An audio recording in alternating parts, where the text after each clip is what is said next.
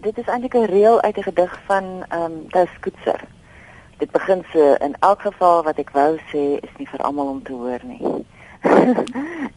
ja, so eh uh, dit kom daar uit. Ek gaan nou nie te veel uitbrei oor hoe ek dit nou in my kop vir myself van toepassing gemaak het nie, mm. maar dit is al wat mense hoef te weet. Ja.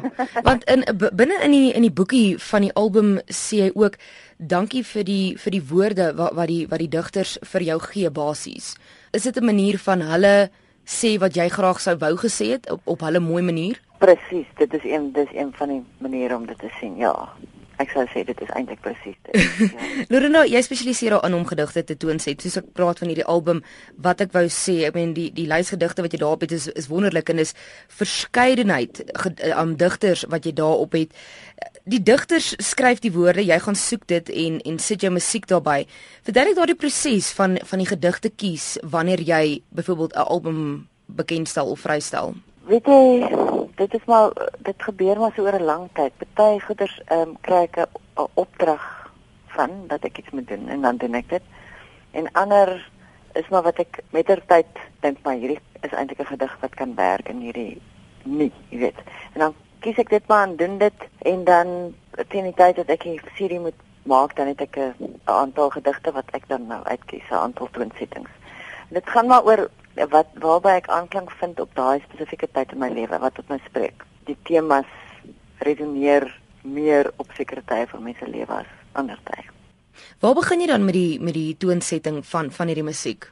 Ek ehm um, sorg eers dat ek baie goed vir myself 'n prentjie het van daai gedig. Met ander woorde, ek lees dit oor en oor en sorg dat elke woord vir my sin maak in die konteks van hierdie prentjie. Ek dink nogal baie visueel, die prentjie wat ek het in my kop en dan mens moet ook dan 'n kleur ont 'n kleur ontwikkel so al van die gevoel van 'n gedig. En dan begin ek die eerste reël oor en oor lees. Ek begin maar by die begin gewoonlik. en dan lees ek die eerste reël oor en oor en totdat ek daar 'n manier kry om daai sin te sê dat dit natuurlik klink en die, en wat die betekenis vir my die beste uitkom. Byvoorbeeld, so ek nou ander dag het iemand gelees daai daai uh, Renelda Kamfer gedig wat daarop is. Mag die nag jou goed behandel. Mag die donker vir jou mooi wees. Mag stilte vir jou vrede beteken. So gaan hy aan. En mens kan dit lees sonder om raak te sien dat daar 'n patroontjie is. Dit mag die nag jou goed behandel. Mag die donker vir jou mooi wees. Wat so dis elke keer dit kan dit kan vir ander mense anders wees, maar vir jou moet dit mooi wees. So dan probeer jy 'n 'n 'n wysie uitdink wat dit beklemtoon. En dan as jy as ek die eerste reël gekry het, dan gewoonlik vloei die res redelik maklik. Die res te maar maar uit so op jou oor af. Ja, dis mos die moeilikste ding is om te begin, maar wanneer jy begin dan kan jy amper nie ophou nie. Van die digters wat wat jy op jou album het, van hulle lewe nog. Is daar geleenthede wat jy byvoorbeeld sal bel en sê Bruiten of wie ook al se gedig jy het? Ek sukkel bietjie hiermee. Wat het jy hiermee bedoel? Ek wens ek kan dit baie keer met Bruiten doen. maar ek het nog nie. Ek dink hy is die laaste persoon wat vir my gaan sê so en so dit is presies wat ek bedoel het. Ek dink ehm um, meeste digters is nogal erg daaroor dat 'n mens self moet kry daarin wat jy wil daar uitkry sonder dat dit voorgeskryf is. Maar as ek sê net maar met Bruiten sukkel dan sal ek met verskillende mense praat ek het sulke klankbord mense en vra vir hulle wat dink hulle wat word hiermee bedoel.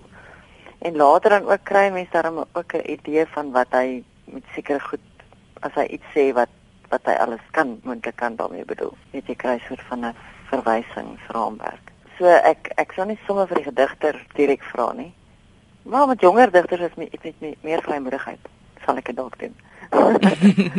Ja. Sê my is dit is dit moeiliker om jou eie lirieke te skryf as wat dit is om om gedigte te toonset iemand anders se gedig? Vir my is dit moeiliker want wat met my gebeur is ek het al baie keer probeer om my eie woorde te skryf omdat mense van jongs af die probleem het dat dit klink baie keer te formeel die gedig val ouer digters.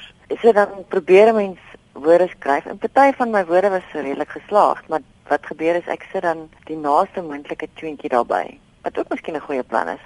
Maar dit is asof dit nie vir my nie, nie altyd die uh, toets van die tyd deurstaan nie. Of die woorde begin nie vir my so lekker meer lyk like nie, of die wysie is nie uh, regtig dit wat ek musikaal eintlik kan doen nie. Hmm. Jy weet.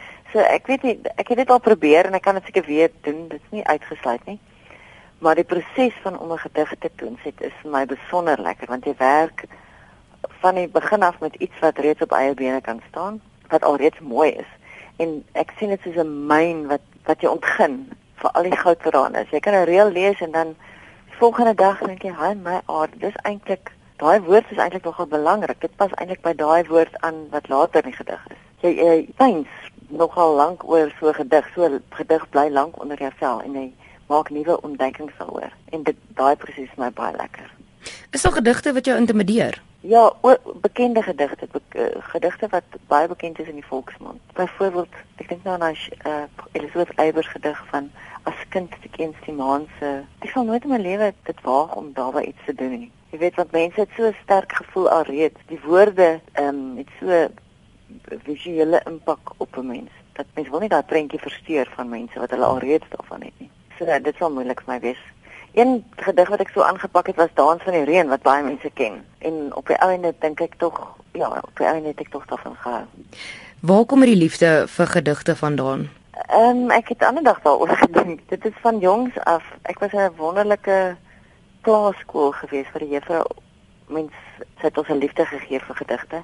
En daar was 'n jong onderwyseres wat ons gebly het 1 jaar en sy was so drama vrou, uh, tannie Mimi en sy het vir ons vir die eerste keer na Bethlehem se estate vir toe gevat en sy het op ons bewegingsleer so 'n klas gegee wat jy beweeg op musiek en alskyk.